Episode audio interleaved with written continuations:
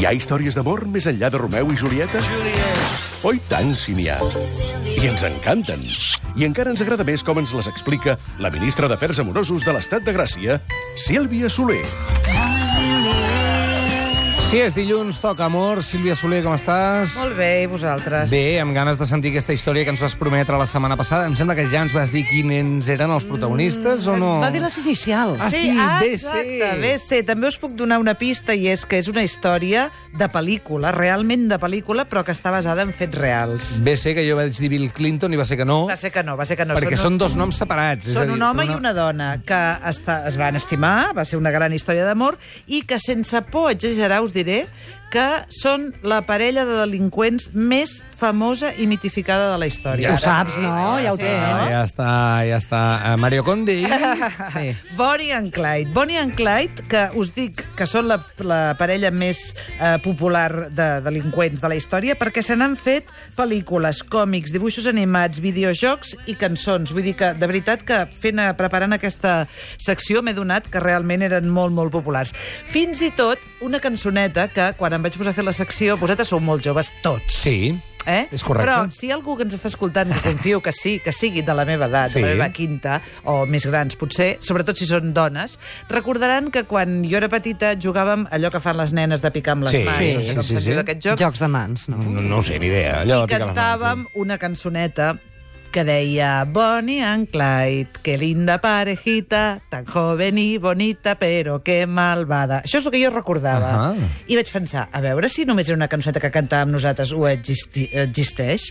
I no només existeix, sinó que n'he trobat tantes versions Ah, sí? que podrem fer el tema d'avui escoltant versions de Bonnie and Clyde. Bonnie and Clyde, allá en los años 20, formaron contra el orden un temible clan.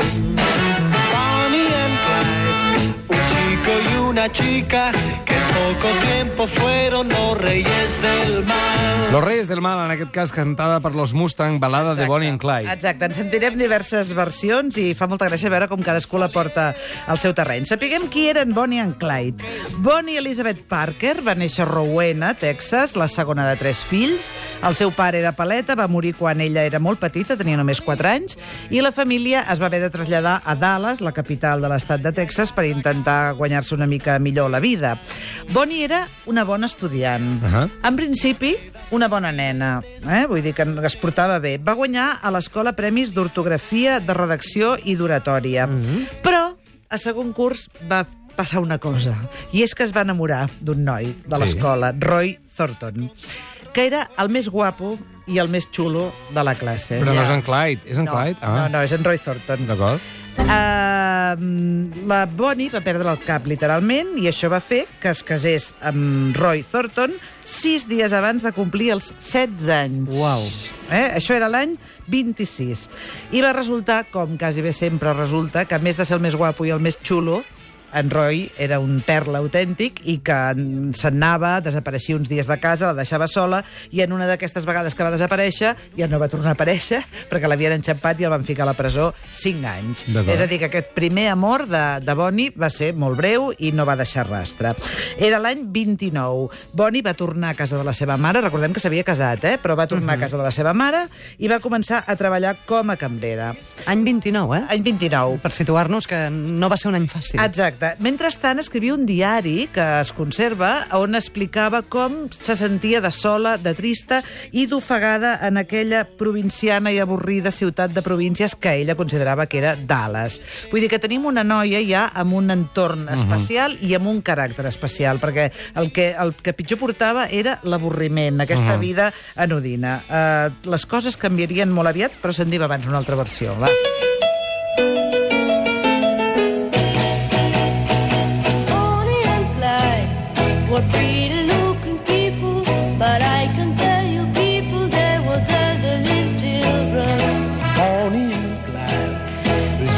Bàrbara i Dic, un duet eh, sud-americà, ara no recordo de quin país, jo Mm, diria que no els argentí, havia sentit en ma argentí, vida. argentí, Sí? argentí, dels anys 60. Els anys 60, que era quan jo era petita, Sí. es va posar molt de moda realment aquesta cançó i tota la història de Bonnie and Clyde.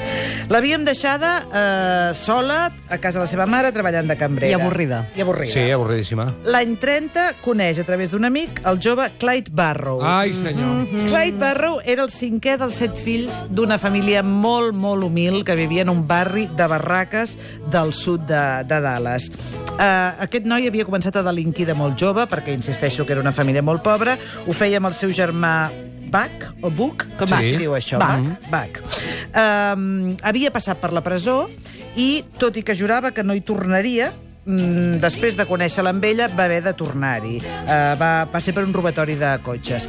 I ells s'acabaven de conèixer, però la, es havien agradat, diguéssim, i es van començar a escriure Sí. cartes des de la presó. I aquí va néixer, va florir l'amor, efectivament. Aquesta correspondència entre Bonnie i Clyde eh, va ser traduïda al castellà i publicada l'any 2010 amb el títol de Wanted Lovers, les cartes d'amor de Bonnie and Clyde. Per tant, eh, fa molts anys, però encara potser les podríeu trobar.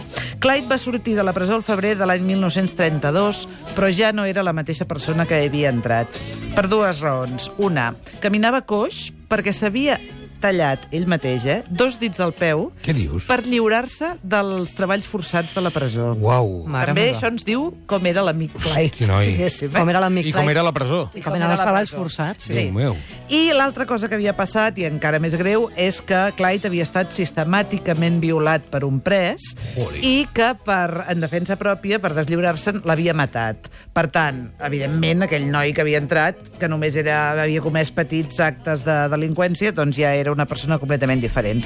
Però Bonnie l'esperava, perquè se n'havia enamorat. Ell li va explicar, mira, som als anys 30, l'Amèrica de la Gran Depressió, mm, jo mm, tinc una vida molt difícil i l'única manera de sobreviure és delinquir. Uh, jo penso fer-ho la resta de la meva vida. Vens? I ella va dir, vinc. Bonnie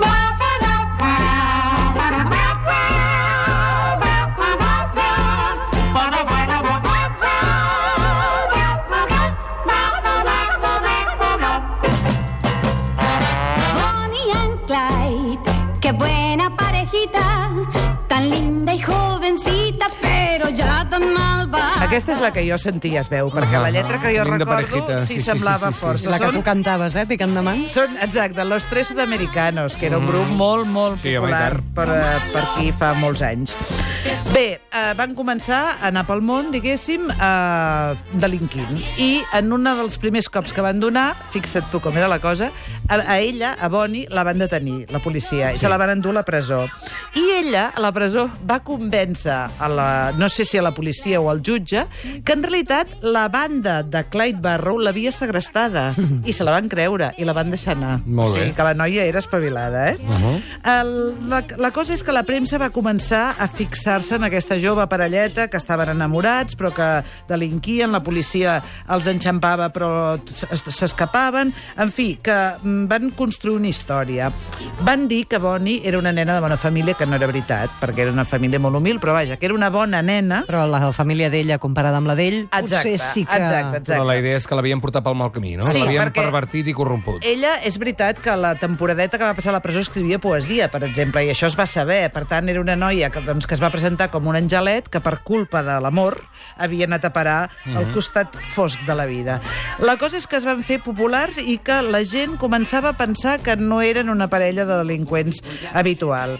Amb ells anaven el germà aquest d'ell, que havíem Buck. dit, Buck, amb la seva dona, Blanche, també tenien aquesta, aquest costum de delinquir. Sí. I llavors Ah. També hi eren aficionats. Vivien, exacte, vivien tots quatre junts, planificaven els cops i, i vivien en, allà on podien.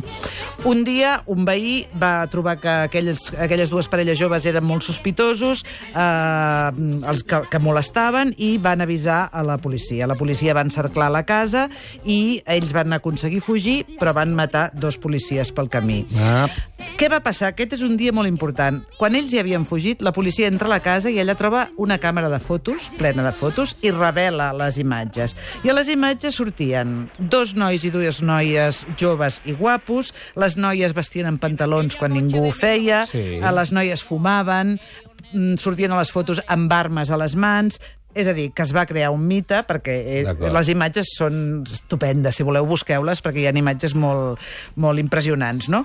I van passar dues coses, que es va crear el mite, però que ells van eh, deixar de poder circular tranquil·lament perquè tothom ja els hi posava Ah, cara. I es van començar a disfressar. Clyde, fuixent de bon aspecte, però jo puc dir-vos que eren la pell del diable.